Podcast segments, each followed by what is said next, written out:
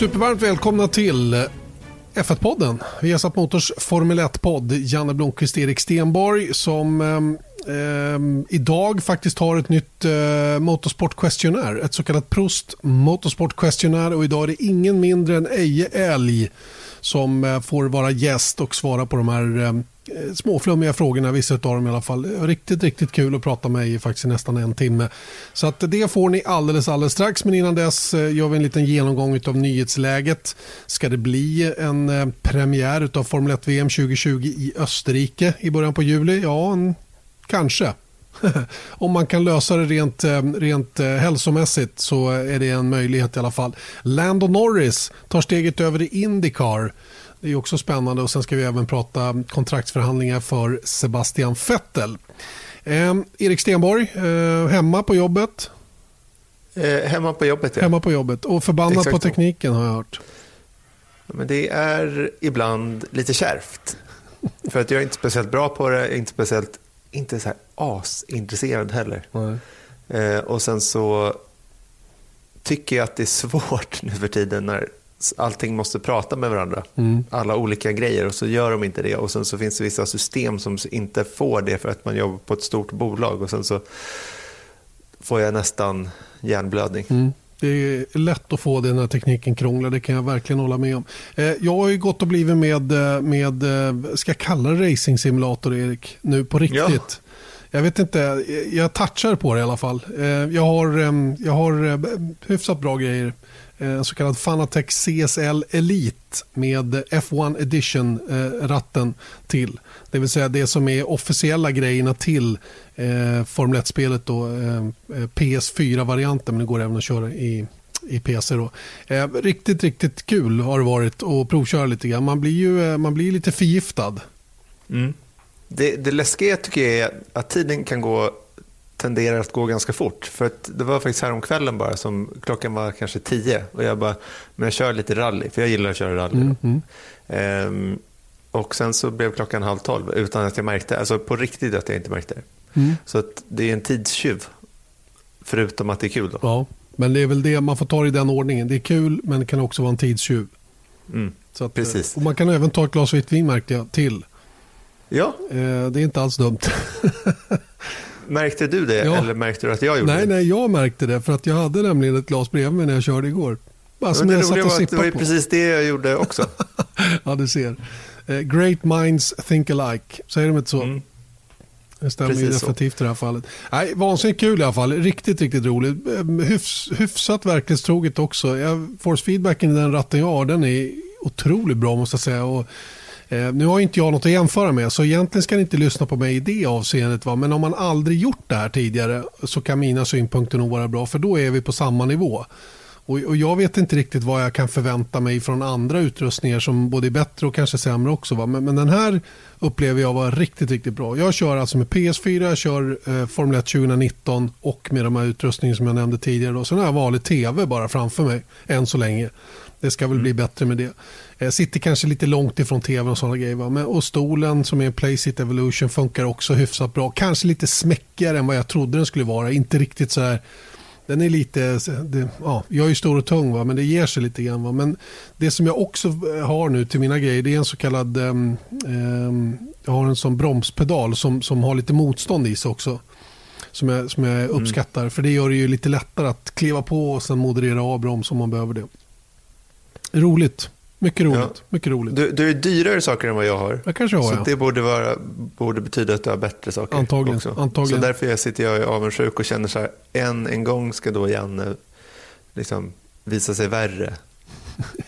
Det är så ja, tråkigt. You get what you pay for, så är det.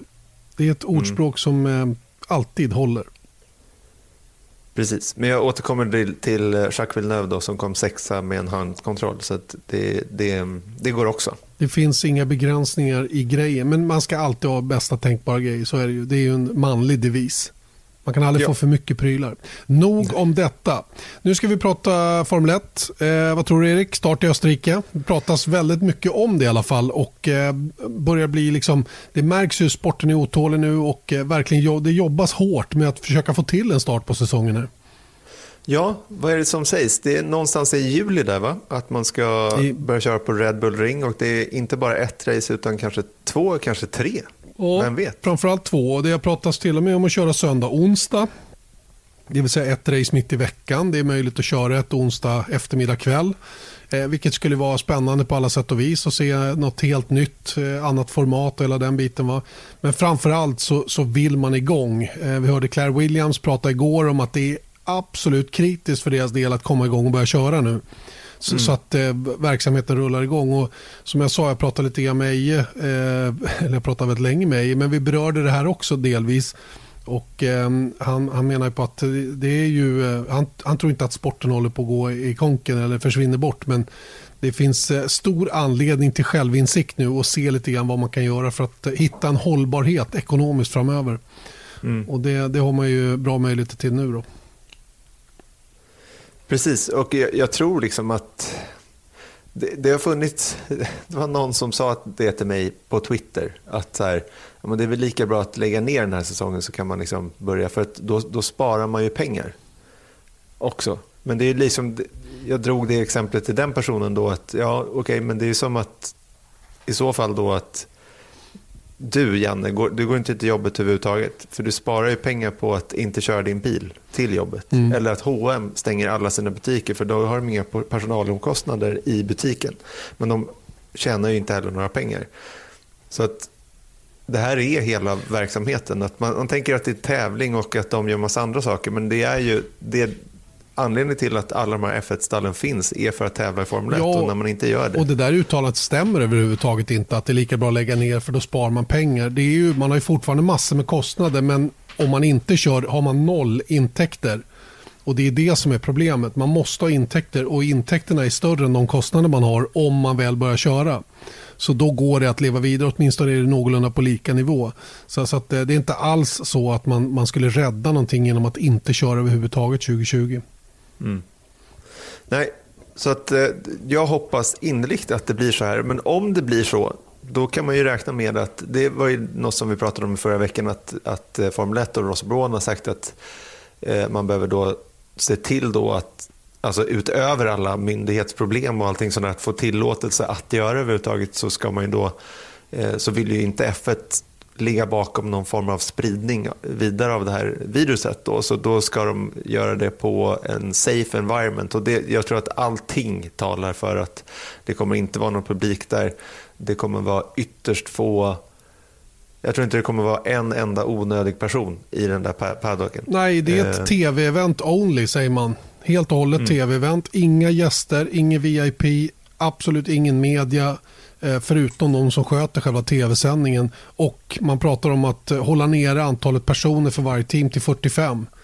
Eh, det kan bli mm. obligatoriskt att bära ansiktsmask och sådana saker. Det kan till och med bli krav på att man kan bevisa att man är testad och inte har viruset.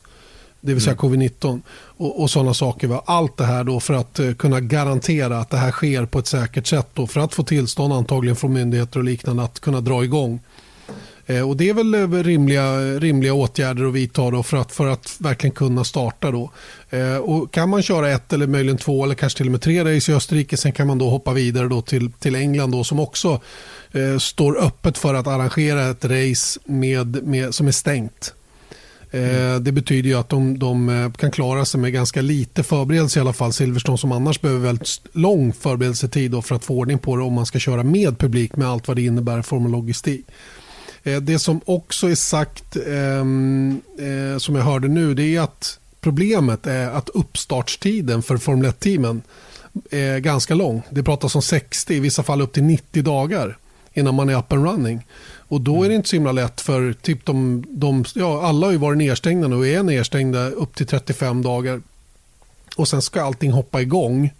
Så att man har produktion av delar, ja, men så att man är igång och kan köra helt och hållet. Och är det uppemot 60 dagar, då börjar det bli knappt om tid. För då måste man snart ta beslut för att köra eh, om, om alla ska kunna dra igång. Och Det bygger i sin tur på att allting öppnar då när det är sagt att det ska öppna. Det kan ju definitivt bli en förlängning på det och då spricker den här tidsplanen som man nu tittar på. Dem. Mm. Men samtidigt då, så alla är med på att de vill börja köra. Så det, det bygger på då såklart att fabriker och sånt ska öppna, men då kan man ju börja liksom förbereda för det man nu behöver. Mm. Eh, så att, jag, menar, jag, jag, tror ändå att så här, om jag förra veckan kändes ganska nattsvart i form av eh, utsikten att börja köra så känns de ljusare idag bara för dagsform kanske, men det är mm. ändå så att jag, jag tror ändå att man kan lösa det här mm. på något sätt. Mm. Ja, det är intressant hur du kan ehm. svänga på sju dagar. Ja, verkligen. Och det är väl tur det, för att annars, annars hade det varit tråkigt. Mm. Nej, men det är ju men du... Man pendlar ju verkligen mellan hopp och förtvivlan hela tiden. Så det, det, är väl naturligt i, den här, i de här tiderna så att säga. Ja, nu vill jag prata om Sebastian Vettels kontrakt.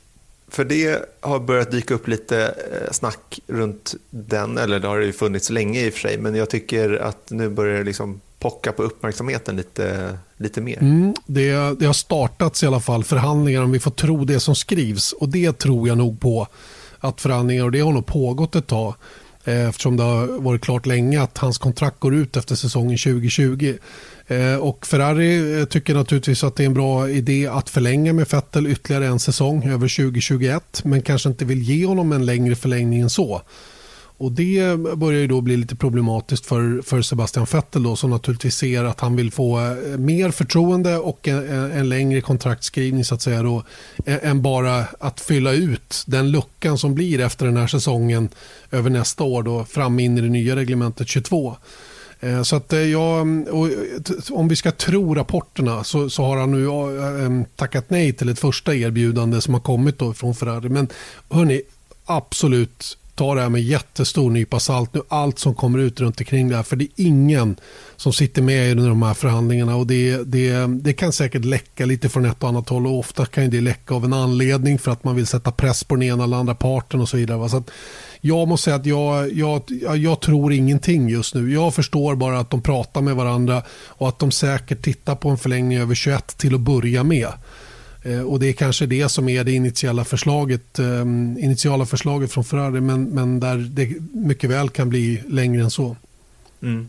Och det, alltså, jag tycker, ja, det, det är som du säger, man vet inte så mycket eh, om det här överhuvudtaget och jag ifrågasätter lite hur folk får reda på saker om jag bara jämför med mig själv för att jag får inte tag på en enda människa i stort sett inom Formel 1 som jag behöver prata med för att det är dels komplicerat när alla sitter hemma men också att eh, fabriker är stängda. Eh, vi ska inte ha, eh, det gäller ju även eh, pressgänget. Eh, så det, det, det är rörig tid överhuvudtaget. Men det där appliceras ju på, på många kontrakt. Jag tänker liksom på alla som sitter med ettårskontrakt över 2020.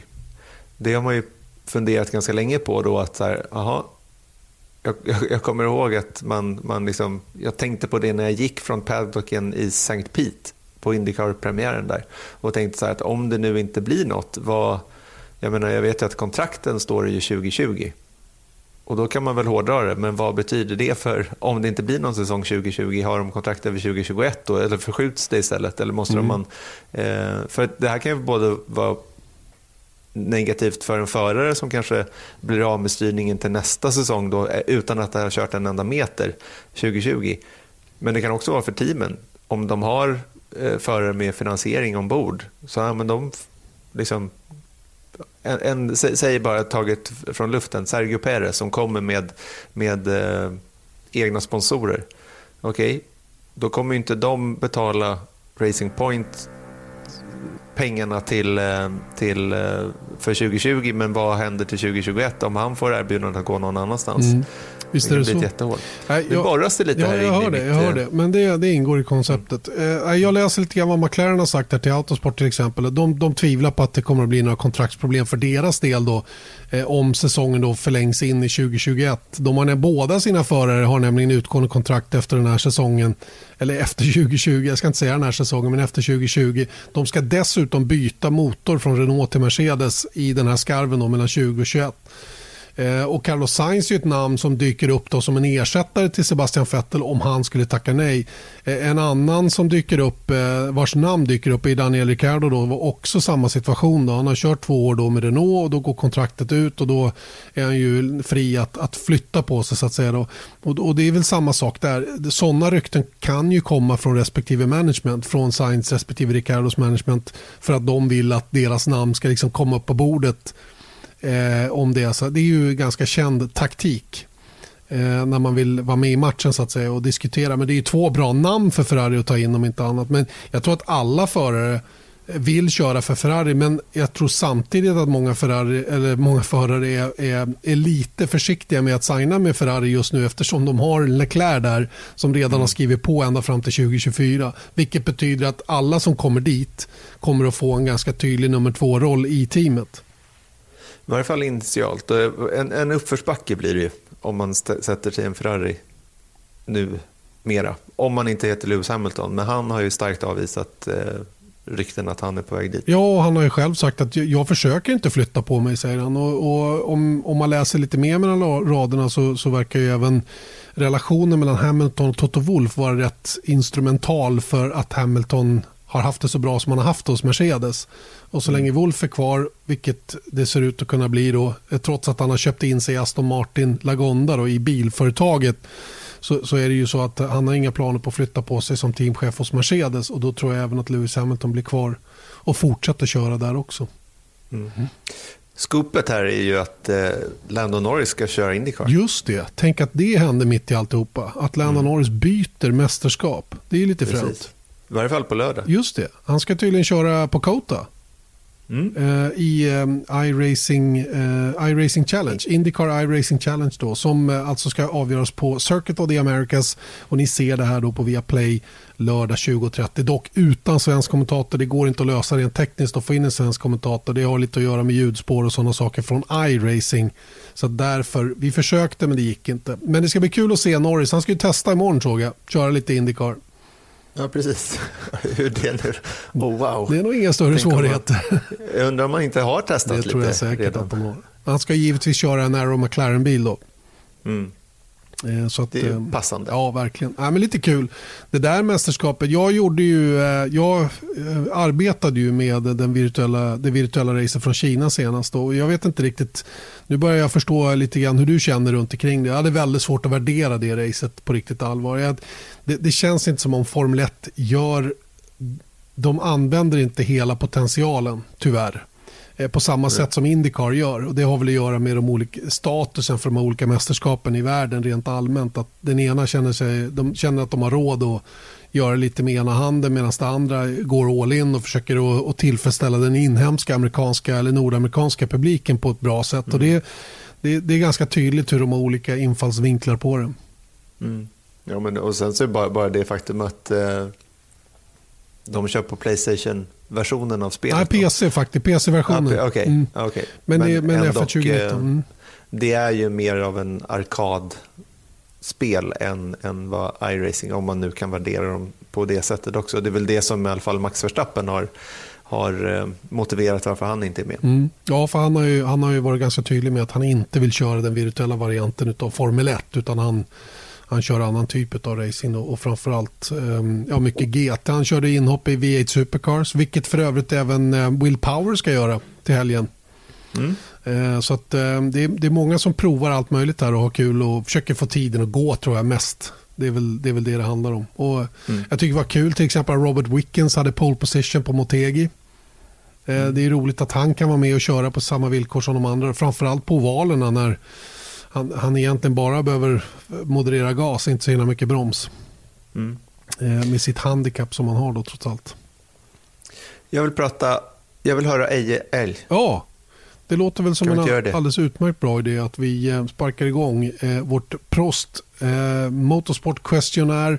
Ni har hört några av de här intervjuerna från tidigare eh, med diverse eh, motorsportpersonligheter. Nu är det alltså eh, Eje Älg, allas vår Eje Älg som, som eh, är med idag och han, eh, honom hör ni nu. Eje Älg, välkommen till Formel 1-podden. Tusen tack. Det är väl första gången va, eller? Nej, ja, men ja, på ett tag i alla fall. Ja, i, ny, i den nya tappningen åtminstone. Förr, förr var ju, du och jag var ju podden till att börja med. Exakt. Det känns väldigt bekant det här att vi sitter och stirrar på varandra på Skype och liksom hela den grejen. Ja. Allt strul med tekniken som vi hade. Vi ja. försöker ju vara lite ny, nydanande på ja, den ja, ja, visst. Vi var, vi, jag tror vi var nog lite för tidiga tror jag.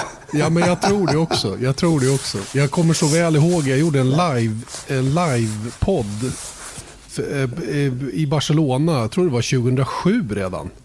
Eh, där jag hade liksom snott ihop lite pengar till en dator jag kunde fixa någonting. Alltså jag, var, jag var långt före min tid, ja. helt klart. Strunt i det nu. Eh, du är ju medbjuden för att svara på frågorna i vårt Prost Motorsport Questionnaire.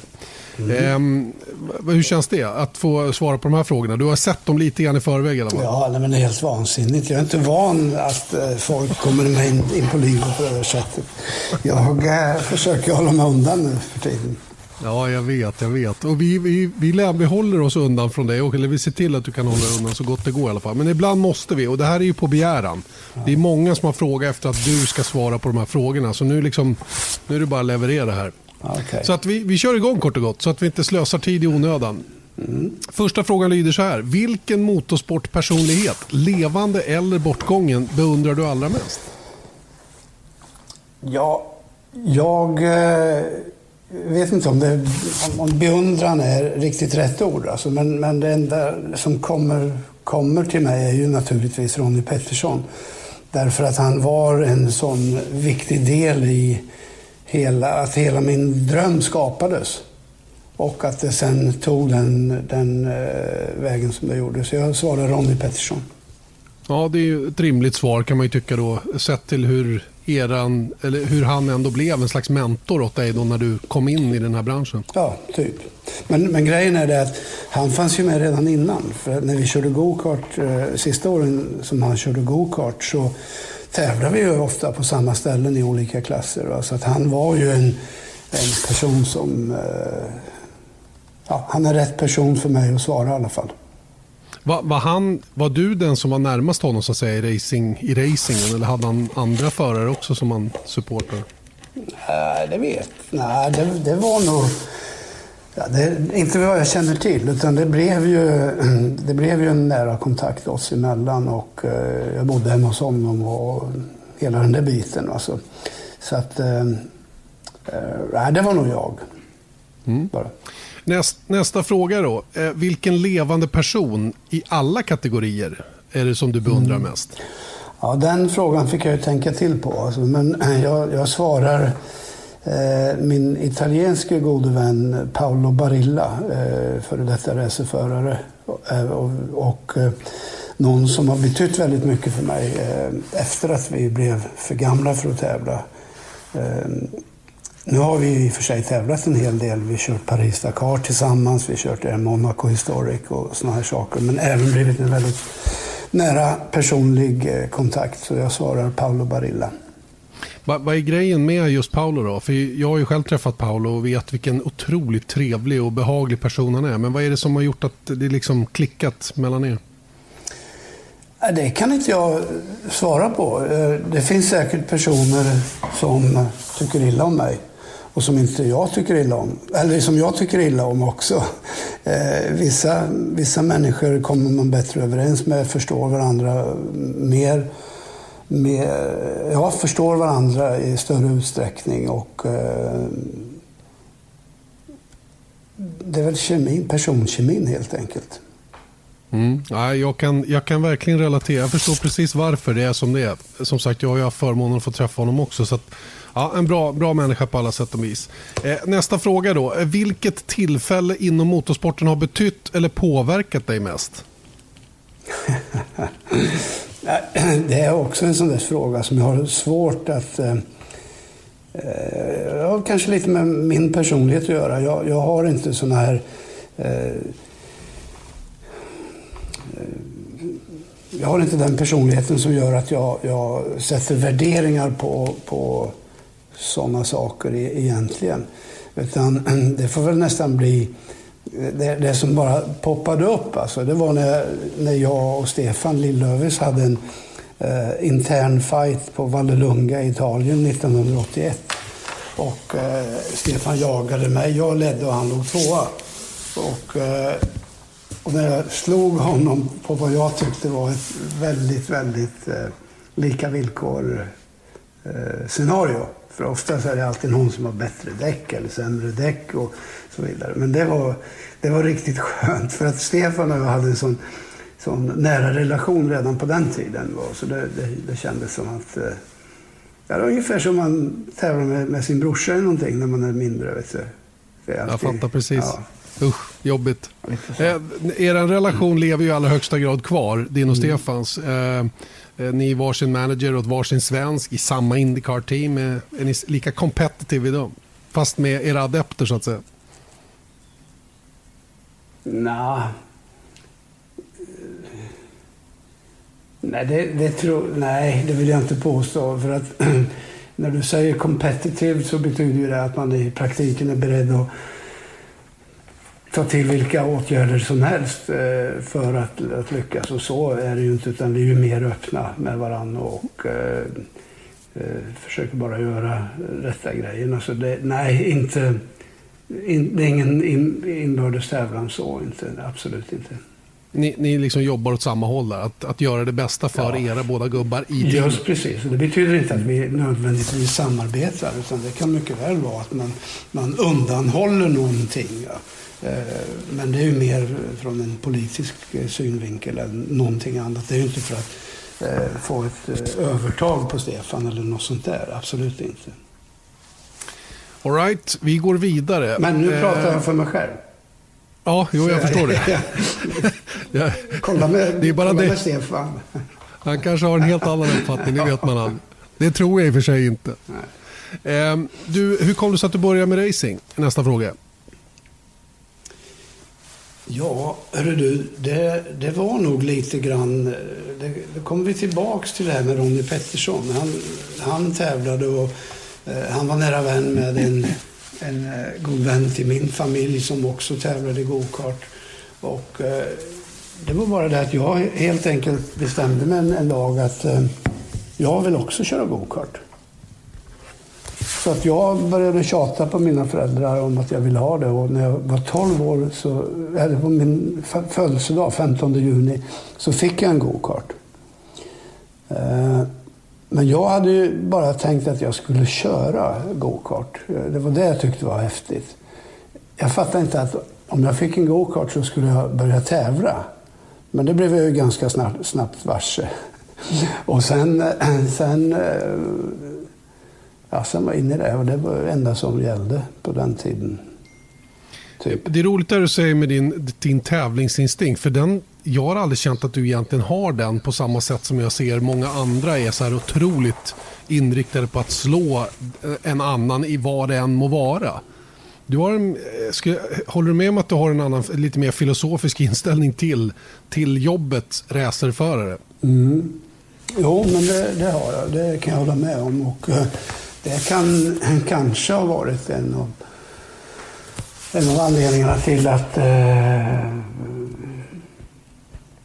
ja, jag kanske hade kommit längre om jag hade haft en, en, eh, mer utvecklad tävlingsinstinkt. Det kan jag nog eh, skriva under på.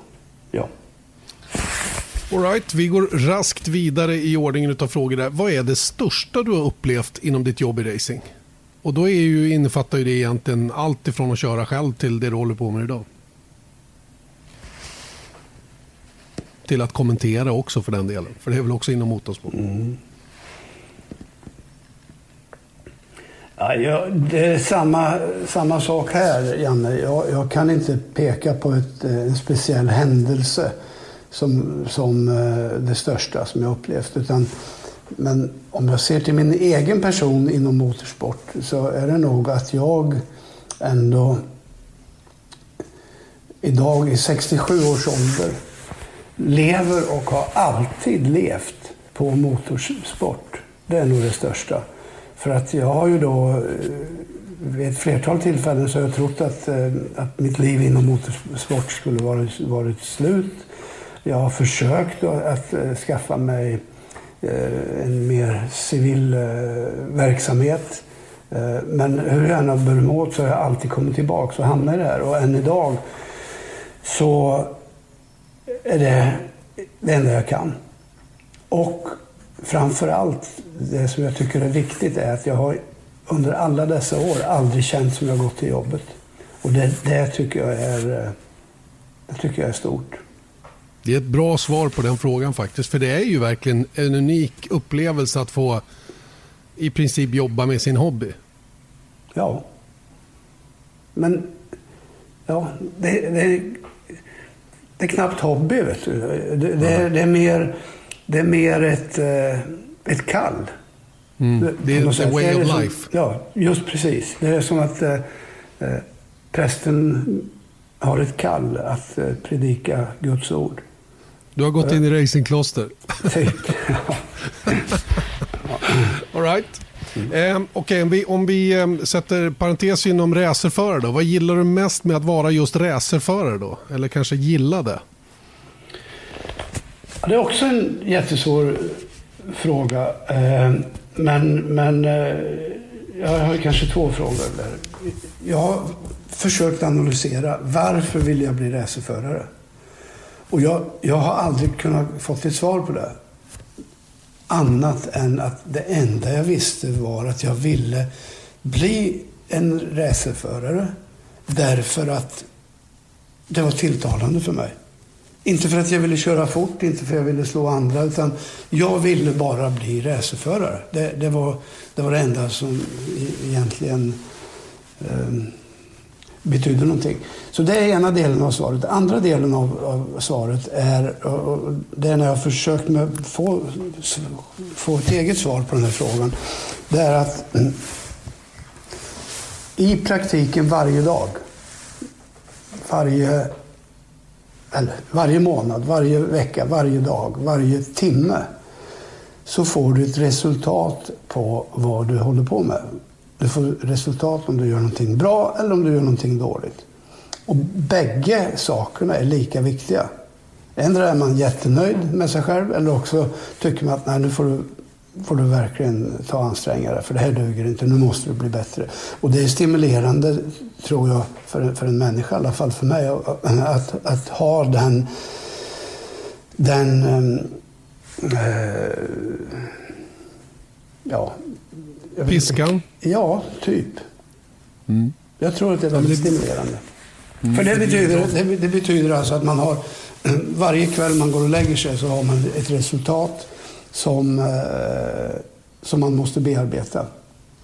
Det, det kommer tillbaka lite på det vi pratade om tidigare, om din tävlingsinstinkt och hela den grejen. Och det, det, mm. de korsar ju över i varandra lite grann, men du har en liten annan det är precis som du säger, du går ut och sätter dig i bilen, kör och sen på kvällen så summerar man. Gjorde jag det bra, gjorde jag det dåligt? Det var inte, givetvis, det var inte nödvändigtvis vinsten som mm. sådan. Utan du kanske gjorde ett skitbra ja, ja, jobb i en lite sämre... Alltså, förstår du vad jag ja, ja, absolut, absolut. Och det tror jag är rätt viktigt inom racing just eftersom det skiljer så ofta mm. vilka förutsättningar man har i en bil. Mm. Jo, men helt riktigt. Stämmer. Eh, vad gillar du minst då? Med att vara racerförare? Vad gillade du minst med att vara racerförare? Vad var liksom... Äh? Men det, det, är också en sån där grej som... Om man har levt ett helt liv i, i en bransch, och sen om det är fotboll eller business eller, eh, eller motorsport, så lär man sig ju att... Eh, man lär sig ju förstå eh, motoriken i det hela. Och då är det ganska enkelt också att konstatera vilka som pratar skit och vilka som inte pratar skit. Eh, och det, det, har ju, jag tror alla branscher i och för sig har samma potential att, att skaffa sig eh,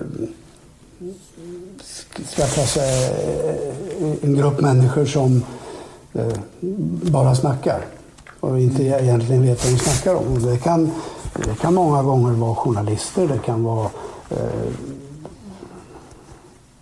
det, kan vara från alla kategorier egentligen. Va? Men, men eh, det känns ju som att det är väldigt många som egentligen inte förstår riktigt vad det innebär att, eh, att köra bil och, och, och vara eh, föraren i en, en bil. Men det är väldigt många som tror att de kan och vet det. För att göra ett långt svar kort då. Du gillar inte skitsnacket kort och gott. Ja, typ. om vi håller oss till Formel 1 då. Eh, vad, vad, gillar du mest med Formel 1? Vad är det som tjusar mest?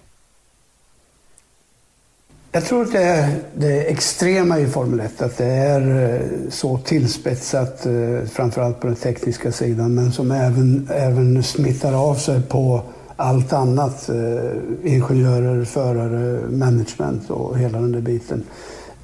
Det är mycket, mycket små marginaler och det är väl det jag gillar mest. Det är egentligen svårast att lyckas i tack vare den, den komplexitet som, som, det, eh, som det representerar. Ja, men det tycker jag är en viktig punkt när man pratar Formel 1. Hur svårt det är att faktiskt sy ihop helheten. Att mm. bli världsmästare är ju lätt om man har rätt timing, om man sitter i rätt bil. Men att komma till det här läget när man är i in the real sweet spot så att säga. Det är ju det som är så mm. oerhört svårt. Mm. Stämmer bra. Um, Okej, okay. andra sidan då. Vad gillar du minst med Formel 1? Uh, eh, var det inte det jag svarade på nyss? Jo, nej, ja, det är typ samma skitsnacket. Ja, okay. du, det grejen med dig är att du har ju haft en unik insyn i Formel 1. Verkligen på djupet de senaste 5-6 åren. Eh, och, och um, finns det någonting i det som har gjort att du kanske ändrat syn på sporten? Nej, inte på sporten i sig.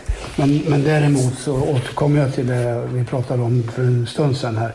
Eh, just det här skitpratarna, sådana som, som eh, tror att de förstår och, har synpunkter och försöker att framhäva sig själv. Eh, åka snålskjuts på, på branschen så att säga. Eh, det ogillar jag. Mm.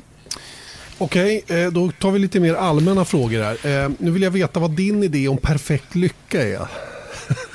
det här kan bli ett långt svar. Eller kort. Ja, det är ju inte lätt alltså, men, men eh, för mig är nog perfekt lycka att att känna att man, man tillför någonting positivt eh, till sin om, omgivning. Och eh, jag säger någonting, så det betyder inte att tillföra pengar eller tillföra, men att man, att man finns eh, det kan ju vara i en familj, det kan vara i ett företag, det kan vara i vad som helst. Men att man, att man, att man tillför någonting och eh, känner att man själv kan eh, eh, anse sig vara ganska så stabil. Vad är din största rädsla? Höjder. Då har vi i alla fall något gemensamt. Men, men, men höjder är, är alltså...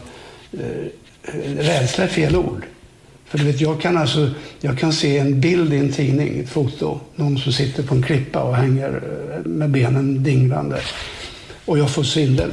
Mm. Det, det, är, det är fruktansvärt. Du vet de där fina filmerna som, på, som figurerar ibland på sociala medier där människor klättrar upp i de högsta tornen och, och går runt och ja, balanserar ja, med. Du vet, jag blir ju sjuk, fysiskt ja, sjuk av det. Slu, sluta nu, för jag fick svindel nu på en gång.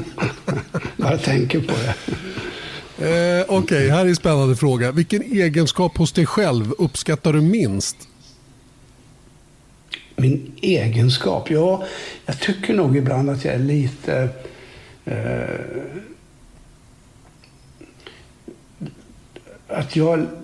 Jag vill inte kalla det konflikträdd, men, men det, det, det kanske är lite grann besläktat. Va? Jag, vill, eh, jag försöker gärna att alla ska bli nöjda och det, det funkar inte på det sättet i verkliga livet. Ibland kan det göra det i en liten, väldigt liten grupp.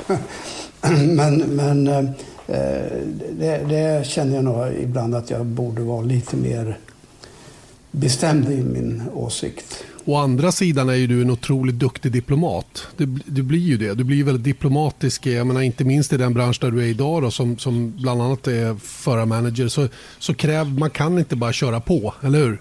Man måste, du måste, det är gungor och karuseller på något sätt. Ja, jo, det, så är det ju. Alltså. Men, mm. Eh, Eh, det behöver inte betyda att man gillar det. Nej. Eh, vilken egenskap hos andra uppskattar du minst då? Oärlighet. Rimligt. Rimligt på alla sätt och vis. Behöver inte utvecklas egentligen. Folk som är oärliga är bara tråkiga. eh, i största allmänhet. Eh, vad är din största extravagans? Att checka in på något hotell. Eh, jag bokade en eh, typ eh, junior-suite eller något sånt där. Och bara njuta av rena lakan. Och... ja, det, var, det var värst. Det tycker jag, det tycker jag är... Det gillar du? Det, det, händer inte så ofta, va? men... Uh, Nej, eller hur? Inte nu längre. du, eh, ja. vid vilka tillfällen ljuger du? Den här är spännande.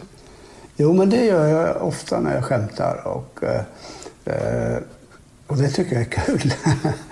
Som till exempel, eh, jag ljuger för barnbarnen och säger att jag var australiensisk eh, jojo-världsmästare och sådana där saker. Men är inte det att lura det... snarare?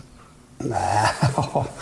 Kalla det vad du vill. Ja, kalla det vad du vill. Nej, men ljuga är inte lätt alltså. Nej, det är det verkligen inte. Det ska man ju naturligtvis hålla sig ifrån så mycket som möjligt. Men ibland kan det ju vara så här att man är tvungen att dra en vit lögn eller ja, man, här, man det, behöver krypa det, ur en situation. Det, det, är jättestor skillnad på att ljuga och att undanhålla sanningen. Så är det ju. Och ibland kan man behöva undanhålla sanningen. Men eh, ljuga är svårare. När hände det senast att du behövde undanhålla sanningen? Är du gift? Okej, vi stannar där. vi stannar där. ja, jag är tvungen att svara något. Du satte mig på pottkanten där. Ja, jag förstår. Jag förstår. Jag lämnar den bara. Eh, vad gillar du minst med ditt utseende? Jag har inga större problem med det, men jag har förstått av, av också då, barn och barnbarn att jag har en, en för stor näsa. Nej. Till övriga ansiktet. Jo, men jag själv, jag kan inte vrida mig så mycket så jag ser i spegeln. Men de påstår att den är väldigt uh, stor. Ja, men annars, är, är, annars är det i stort sett perfekt. Alltså. Det. ja, det är gött. Det är gött. Det är inget fel på, på, på um, vad det, självförtroendet. Eh, Okej, okay, näsa. Ja, men man andas ju bra då när man har Ja, jag vet. Jag, vet. Så är det. jag känner lukt på ett bra ja, sätt. Perfekt, perfekt. Ja. Du, finns det något, vad är det du ångrar allra mest? Nu, ja, rent generellt.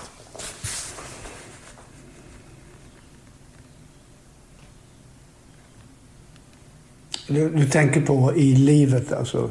Ja, jag tror att frågan eh, handlar om rent generellt. Ja, jag, jag, eh, mm, precis som du sa, så tittade jag på frågorna innan du ringde. Och eh, jag kan inte komma på något som jag ångrar. Alltså. Ja, det är små bagateller kanske. Eh, från, från eh, första andra klass i skolan eller något sånt där. Men, men ingenting, eh, ingenting markant som jag tycker att jag borde ha gjort annorlunda. Får, får jag föreslå jag en sak? Ja. Kommer du ihåg en test du gjorde på Silverstone? I en bil som inte var den du skulle köra. Du skulle hjälpa en polare. Ja. Och, eh, det slutade ju på sjukhus i Northampton och fick ja. rätt stora konsekvenser för din karriär. Ja. Ångrar du den testen?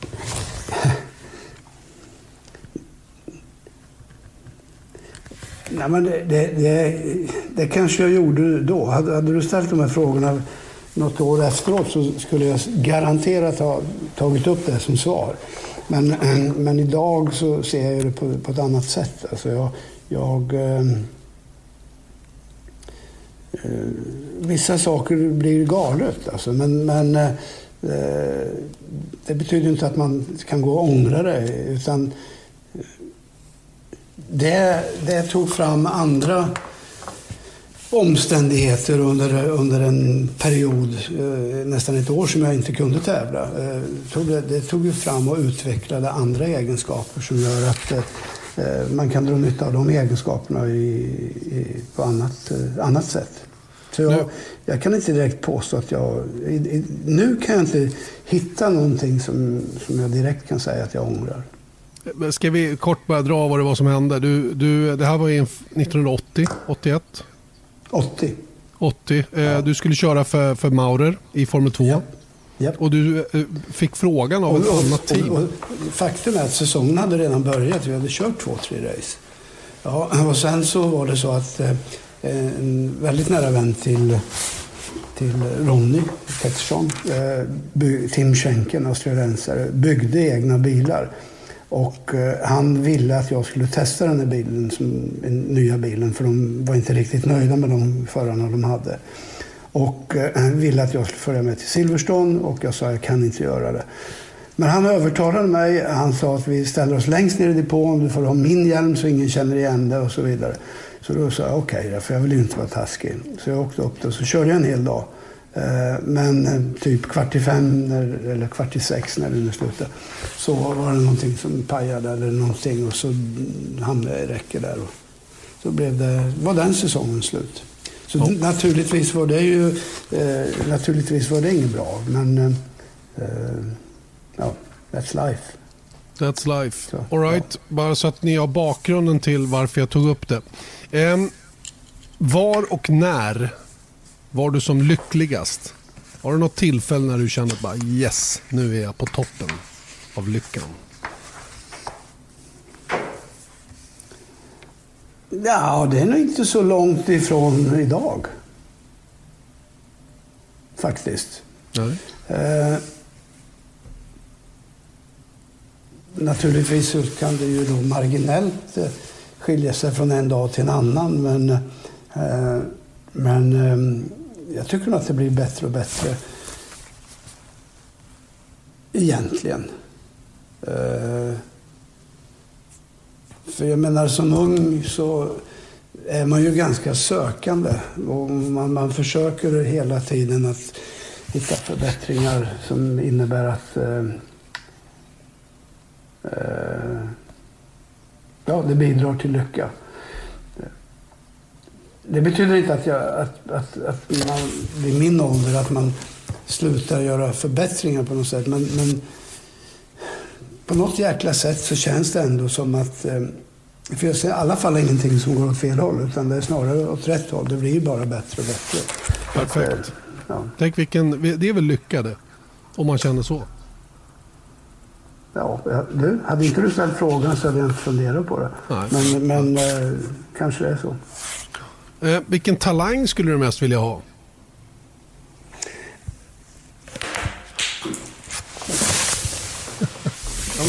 Han blev så till så han tappade hörlurarna. Ja, jag vet. Ja, vilken talang jag skulle vilja ha. Ja, jag, hade, många gånger har jag önskat att jag eh, hade lärt mig spela något instrument. Lite musikaliskt, för jag är en av de mest omusikaliska människorna som går på den här jorden. Eh, det skulle jag jättegärna vilja. Och jag är imponerad av sådana som behärskar instrument på ett bra sätt. Mm. Jag kan bara hålla med. Eh, ja, du spelar ju inte ens bilradio till Magnus nej, Anderssons stora förtret. Han får ju nej, aldrig nej, höra någon musik när vi åker bil. Nej, jag vet. Jag vet. Det är, man ska höra motorn, man ska höra däck och man ska ha koll på så vad bilen gör. Så är det. Du, vad anser du vara din största prestation med motorsportanknytning? Och då behöver det inte bara vara idrottslig prestation.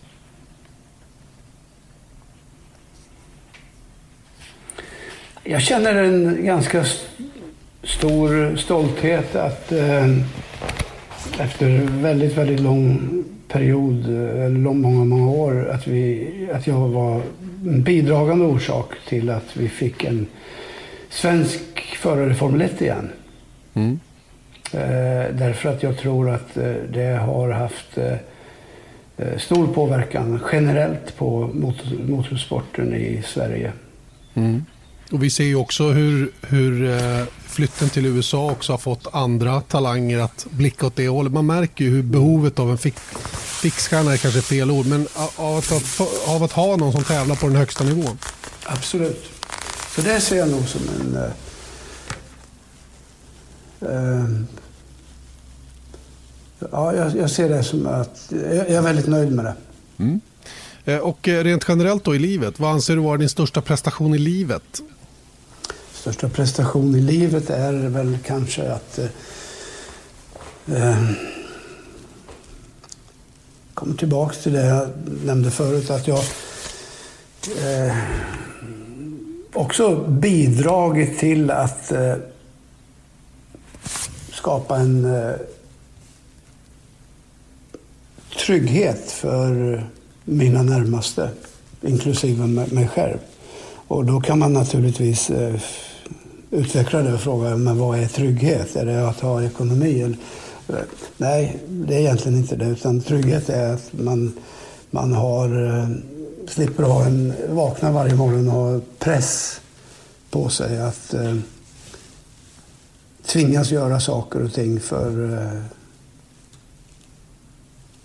ja, för någonting. Mm. Vilken är... Är du en filmkille? Eh, tittar du på film mycket? Nej, ja på flygplan. Ja. Så, Så vilken är din favoritfilm då? Med, motor, med motoranknytning? Jag tycker de, de flesta filmerna med eh, motoranknytning är riktigt skräp, alltså, enligt mig. Men jag, jag såg någon som jag tyvärr har glömt vad, vad den hette. Men det var en, en gammal film om Ferraris eh, sportvagnar Mario Andretti körde, Ronnie Peterson körde och... Eh, Speed Merchant hette den va? Så ja, så hette den. Den tyckte jag var jätte, mm. jättebra alltså. Speed Merchant, det stämmer. Du, du, har inte sett den här Le Mans 66 som går just nu med... Nej, eh, jag har inte det. Jag har inte. Den, den, Men, den kan jag rekommendera jag, faktiskt. Mm, jag ska kolla på den.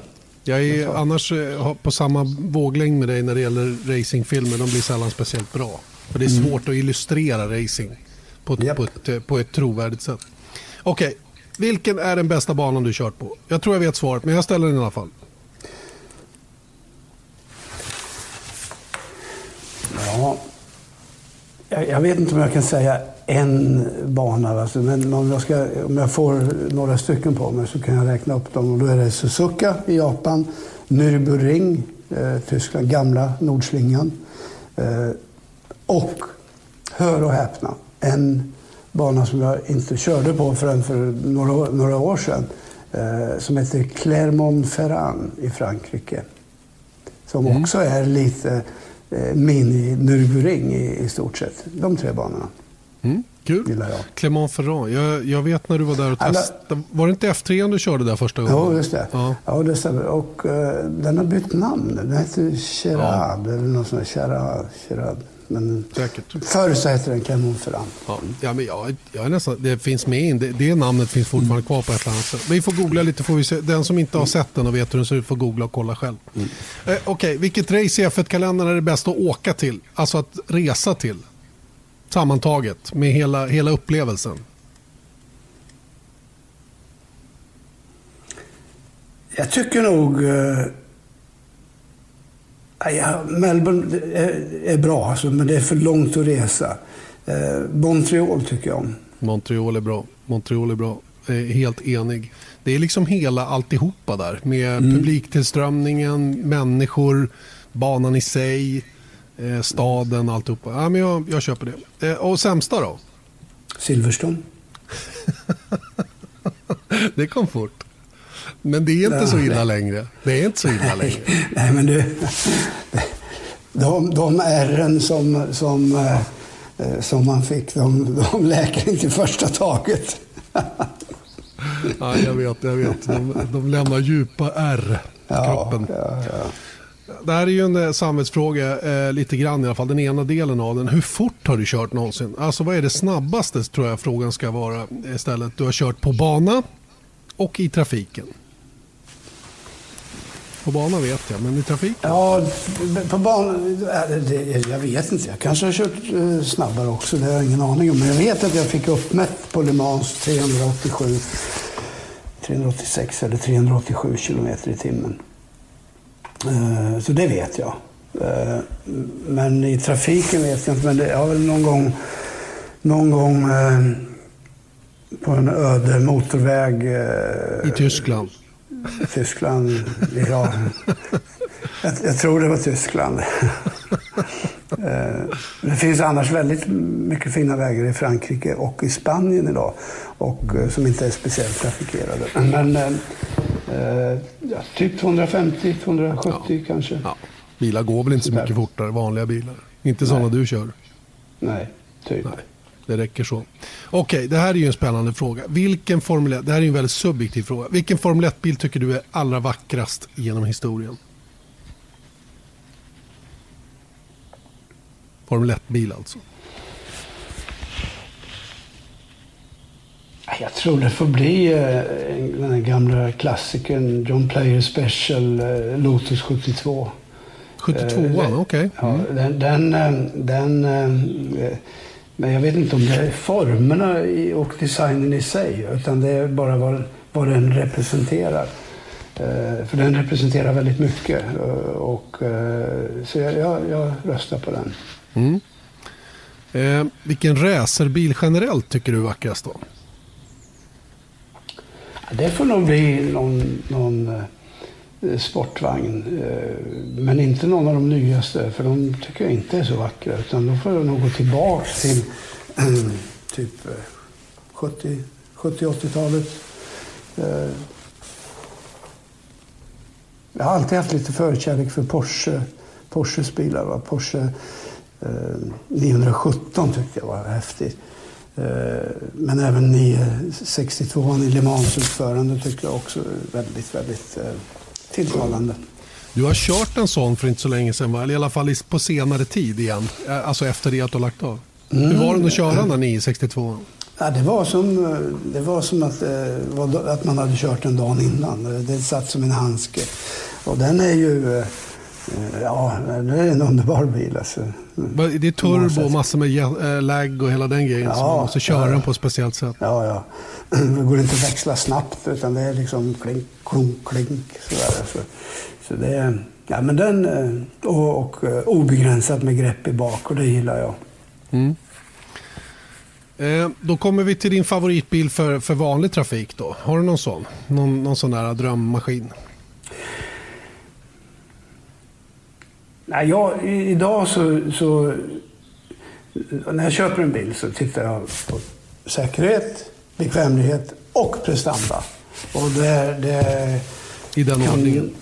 Nej, eh, utan kombinerat. Eh, skulle jag vilja säga. Eh, och det innebär, innebär säkerligen att man kan räkna bort många bilar men samtidigt så finns det ett stort utbud av bilar som skulle kunna vara aktuella. Eh, men eh, eh, jag skulle aldrig, aldrig liksom köpa en bil för vanligt bruk om inte bekvämlighet och säkerhet fanns med i bilen. Det, det, det, är inte, det, jag tror frågan var ställd så här. Ja, jag gillar en Ferrari 430 eller bla bla bla, 458 eller en Porsche DD. Eller, du, du är mer så här att ja, men jag gillar den. Ser den ut si och så, har den prestandan och är säker tillräckligt, då är det din favoritbil. Ja. Nej, men annars så, om vi pratar om vägbil och, och, ska titta på lite mer exklusiva bilar, då har jag också alltid haft en förkärlek till hur Porscharna ser ut. Eh, Porsche från 911 och till vad de nu heter idag, GT3. Eh, men jag tror också att det är lite grann påverkat av det faktum att jag tävlar själv med Porschebilar. Och, eh, så jag är lite färgad där. Men hellre en Porsche än en Bugatti, typ.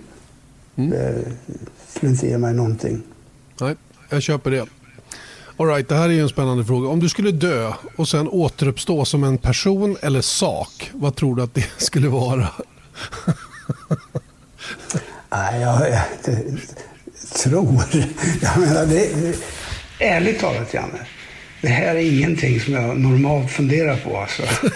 alltså, så märkligt.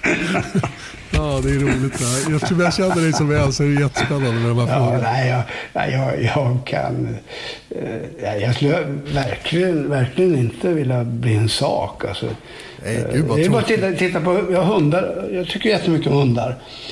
Men tänk vad jag önskar att de kunde prata. Ja. Och det är det jag menar, om man blir en sak och inte kan prata, då, då försvinner ju hela, hela grejen. Så jag skulle vilja, jag skulle vilja återuppstå som en eh, morfar eller något sånt där. Jag, jag, skulle själv vilja bli, jag skulle vilja återuppstå som en person som klarar att bli antingen jaktpilot eller astronaut. Ja, okej. Okay. Typ ja. Neil Armstrong. Han var ja. nog alltihopa det. Ja. Det skulle vara cool. Ja, ja. Mm. ja så är det. Eh, tre frågor, fyra frågor kvar, sen är vi klara. Eh, vilken sak som du äger är absolut mest värdefull för dig? Och då är det en sak alltså. Får jag bara ta en sak? Ja, det är väl... Eh, vilken sak betyder nog en sak? Jag använde den senast igår. Och det är en Smith Wesson kniv som är inhandlad i Texas. Just det. Och eh, jag använde den för jag försökte lära mitt barnbarn Sixten att tälja en sån där visselpipa av en träpinne. Ah, vet du. Right. Jag misslyckades för jag hade fel träslag. Men okay. den kniven är jag kung med. Alltså. Den är världsklass den. Ja, ja, jo, men... det enda som, anledningen att jag frågade om jag kunde ta två saker var för att jag har även en ficklampa. Som också är riktigt bra, samma märke. Sa, samma märke. Ja. Köpt på Academy utanför, ja. utanför San Marco i, i Texas. Ja. Ja, vi, vi hade våra små ritualer när vi var där tillsammans. Det var jätte, jättekul. Um, Eh, vad uppskattar du mest hos dina vänner? Precis det. Ja. Att de är vänner. Ja, det är bra. Eh, har du något motto? Nej. Inget alls? Jag, nej, jag, jag har aldrig haft anledning att eh, skaffa mig ett motto. Eh, jag... Eh, jag eh, försöker att vara så flexibel som möjligt inför de uppgifter som man står inför. Och jag noterar att du har en väldigt fin tavla bakom dig, ett foto. Ja, just det. Den är du med på, ja. ja det var han Micke Jansson som lyckades hitta oss på något eh, konstigt sätt. Ja, Monza. Nej, Imola var det faktiskt. Imola, ja okej. Okay. Mm. Ja. Mm. Mm. 2003, 2004 kanske. Micke Jansson är en väldigt, väldigt känd modefotograf som eh, under ett par säsonger va, eh, fick för sig, mm. eller gjorde en deal med Bernie om att eh, illustrera sporten på ett väldigt annorlunda sätt med lite annan typ av kamerateknik. Han gjorde en jättefin bok. Mm. Mm. Eh, Speed of Life tror jag den heter. Ja, jag har den där nere. Det, eh, jättefin det var, bok. Det var, det, var en angenäm, det var angenämt att vi fick vara med och lära känna eh, Micke. Ja, verkligen. Trevlig, trevlig person på ja. alla sätt och vis. Leta upp den boken. Den är jätte, jättefin verkligen. Eh, sista frågan, den här är ju gigantisk. Vad är meningen med livet?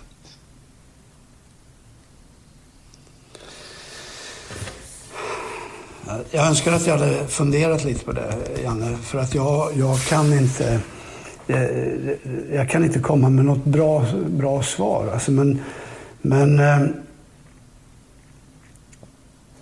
med tanke på de tider som vi lever i just nu så, så med corona och hela den där biten så ställs ju många saker på prov och det visar ju verkligen, verkligen eh, vilket behov det finns eh, av eh, ödmjukhet och respekt för andra människor och för eh, ja, hur man förhåller sig till, till eh, en besvärlig verksamhet. Så att, jag menar, det, måste hamna någonstans där. Det är inte bara att, att eh, föröka sig och få mänskligheten att leva vidare utan meningen med livet måste också vara att man, man eh, utvecklar sig som människa för att kunna bidraga med så mycket positivt som möjligt. Mycket bra svar tycker jag. Och ett väldigt värdigt slut på den här långa intervjun. Tack så mycket Eje att du ville vara med i vårt Prost Motorsport Questionnaire. Eh, oerhört givande eh, på alla sätt och vis. Eh, innan jag släpper dig nu bara, eh, några korta frågor om läget som vi har. Du berörde själv corona nu. Eh, vad tror du om Formel 1, omstart, eh, hela den biten? Eh, ser, du något, ser du något ljus i tunneln som jag inte lyckats upptäcka än? Det här är ju... Det, det, har ju vänt upp och ner på, på hela, hela världen egentligen. Eh, och Formel 1 står ju inför en massor med svåra beslut hur man nu ska tackla det här. Och eh, frågan är väl om det någonsin kommer att bli exakt samma sak igen. Så att eh, eh det första stora hindret är ju naturligtvis, kommer det bli några tävlingar över, överhuvudtaget? Jag vet inte, jag har ingen aning. För jag tycker man, man lär sig nya saker varje dag eller får nya uppgifter varje dag. Jag, jag, kan inte, jag kan inte uttala mig om det. Men jag kan bara hoppas att, att det kommer igång och att det kommer igång och att man har dragit, nytt, lärt, äh, dragit nytta av den här kunskapen om hur det, illa det kan, kan bli. Va? Och göra någonting bättre av det. Va? Men eh, självklart så kommer motorsport och all annan sport och all annan verksamhet också gå tillbaka till det normala. Men eh, jag tror ändå att vi har lärt oss väldigt mycket av det och eh, hur det kommer att se ut i framtiden, det vet jag inte. Men den, sporten kommer att överleva tror du? Eller kommer ja. alla team att hänga kvar? Och liksom... Jag tror att, eh, jag tror att alla team kommer... Jag tror inte att Formel 1 som sådan kommer att kunna med... med eh, jag, jag, tror att, som vi, vi pratade om tidigare, vi, vi, måste lära oss ta hand om varandra. Att, att den, det här viruset nu ska diskvalificera tre, fyra team eh, som inte kan vara med. Det, det tror inte jag, det, det, kan inte få ske. Utan här måste alla samarbeta för att kunna starta upp igen och, och eh, börja om på ny kula billigare än vad det var tidigare till exempel. För skulle man ligga kvar på samma nivå så skulle säkerligen tre, fyra team kunna försvinna med omedelbar verkan. Men jag tycker inte att det ska få ske utan jag tycker att man måste hitta något sätt att banta ner det här till en nivå där eh, man kan starta om med alla aktörer precis som det var för tre, fyra månader sedan. Mm. Ja, man pratar ju om, eh, om miljömässig sustainability, att allting ska mm. vara varaktigt. Så att säga. Och Det är väl det som du är inne på, att en ekonomisk varaktighet mm. där allting hamnar på en rimligare nivå. Det är väl det som vi måste försöka eftersträva efter det som har hänt. Mm. Eh, bra Eje, tusen tack för att du var med. Det var jätte, jättekul. Jag vet att du har annat att pyssla med där, eh, hemma i, runt Möcken. Har du varit och paddla, har du paddlat något? Nej, jag har inte varit där. Men jag, det är helt eh, spegelblankt på sjön. Så jag kanske jag kanske gör ett litet ryck i eftermiddag. Låter jättebra. Tack så länge. Tack. Det roliga är att vi hade ju den här uh, intervjuserien under vintern uh, i väntan på att säsongen skulle sätta igång. Och under, då hade vi ganska stora namn. Vi hade Marcus Eriksson, vi hade Björn, vi hade Felix, vi hade Lillövis, Tom Kristensen inte minst. Men den mest önskade var ju Eje Älg. Mm. Det säger någonting tycker jag ja. om Eje Älg. Folkkär. Han är ett household name. Han är det. Verkligen. Verkligen. Ja, det var kul, kul att prata med honom. Det, var, det är så roligt för vi känner varandra så väl så att man kan nästan svara på en del frågor åt honom. Mm. Nej, men jätte, jättekul verkligen. Och, eh, han verkar ha hittat, eh, hittat rätt i livet. Han verkar supernöjd med, med tillvaron för närvarande vilket glädjer mig oerhört. Ehm, eh, medans ni har lyssnat på, eh, på Eje här nu så har vi efterforskat lite mer runt omkring det här med Sebastian Vettel och ehm, det verkar eh, enligt vissa källor i alla fall som att uppgiften om det här att Vettel har, har tackat nej till ett kontraktsförslag är lite grann planterat. Och faktiskt från Ferrari då, lite som vi var inne på, då, att eh, det, mer för att få honom till, till sitta ner vid bordet och börja prata. Eh, tydligen så finns det inget, inget erbjudande att tacka ner än så länge. Då. Men, men Ferrari vill, för, vill förmodligen sätta lite press på Vettel då för att komma igång med förhandlingarna. Det, det är det senaste. Då, så att säga. Så att, eh, återigen, ta, ta allt som skrivs just nu med väldigt nypa salt. Vi får nog vänta ut det här helt enkelt och bara se vad det, vad det blir. För allt som sägs och skrivs är ändå bara spekulationer och ingen, ingen som egentligen riktigt vet. Och det är som sagt alltid när det är kontraktssurr så blir det väldigt mycket, mycket um, hittepå. Så är det. Mm. Du, ja. Vi eh, fortsätter ju med Viaplay Sport F1 Upon Live. Just jag gillar de där programmen ja. mycket faktiskt. Och jag hoppas att eh, ni som tittar på dem gillar dem också och att ni som inte har tittat på dem hittills kan tänka er att göra det. Och kanske varför inte börja nu på söndag då, för då kommer vi för det första då köra Italiens Grand Prix från 2008. Ett riktigt eh, klassiskt race. Det är faktiskt det racet som de gjorde någon eh, sån här omröstning på f1.com för några, något år sedan kanske.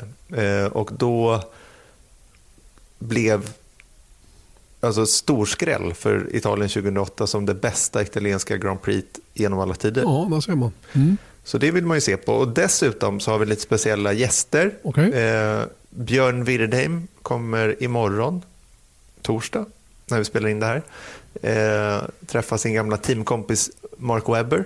Över Skype. Ser man på. Och prata om eh, Minardi faktiskt. Det Kul. gamla legendariska teamet Minardi. Som Mark Webber debuterade i. Och sen så eh, verkligen inte minst kommer vi ha eh, Henrik Fexeus med i studion. För han ska prata om rivalitet som, som fenomen, kan man väl kalla det. Var, var, varför Fexeus, vet han det då? Jo, men eh, Henrik Fexeus han är författare. Om man kollar på hans titel då på Wikipedia så är det författare, mentalist, programledare och föreläsare. Eh, och han, det handlar ju om, om populärpsykologi helt enkelt. Och nu när vi de senaste två veckorna har kört eh, två race där det verkligen varit som en start på rivalitet mellan teamkompisar. Och det här är någonting som är lite så här speciellt för Formel 1. Att just när teamkompisar är eh, teamkamrater men de är också sin största fiende egentligen. Och eh, det är det fenomenet vi ska prata om. Och han har eh, en rolig take på det helt enkelt. Ja. Så att, det är värt att se. Intressant. Spännande. Henrik Fexeus, Björn Wirdheim, Mark Webber, Italiens Grand Prix 2008 och så jag. Och Rickard Rydell. Ja, kan det bli bättre? Va? Vilken tårta. Jag tror det. Mm. Det här är en riktig tårta. En, Gräddtårta. En mumsar vi oss. På söndag alltså 15.30. Det missar ni inte. F1 på en live alltså på Viaplay Sport. Eller Viaplay Motor ska jag säga. Eh, ska vi eh, ta runda av då? Det gör vi. Så får de borra färdigt där. Eh, vi hörs om en vecka igen. Vi är tillbaka. Jag lovar. Ha det gott. Hej då.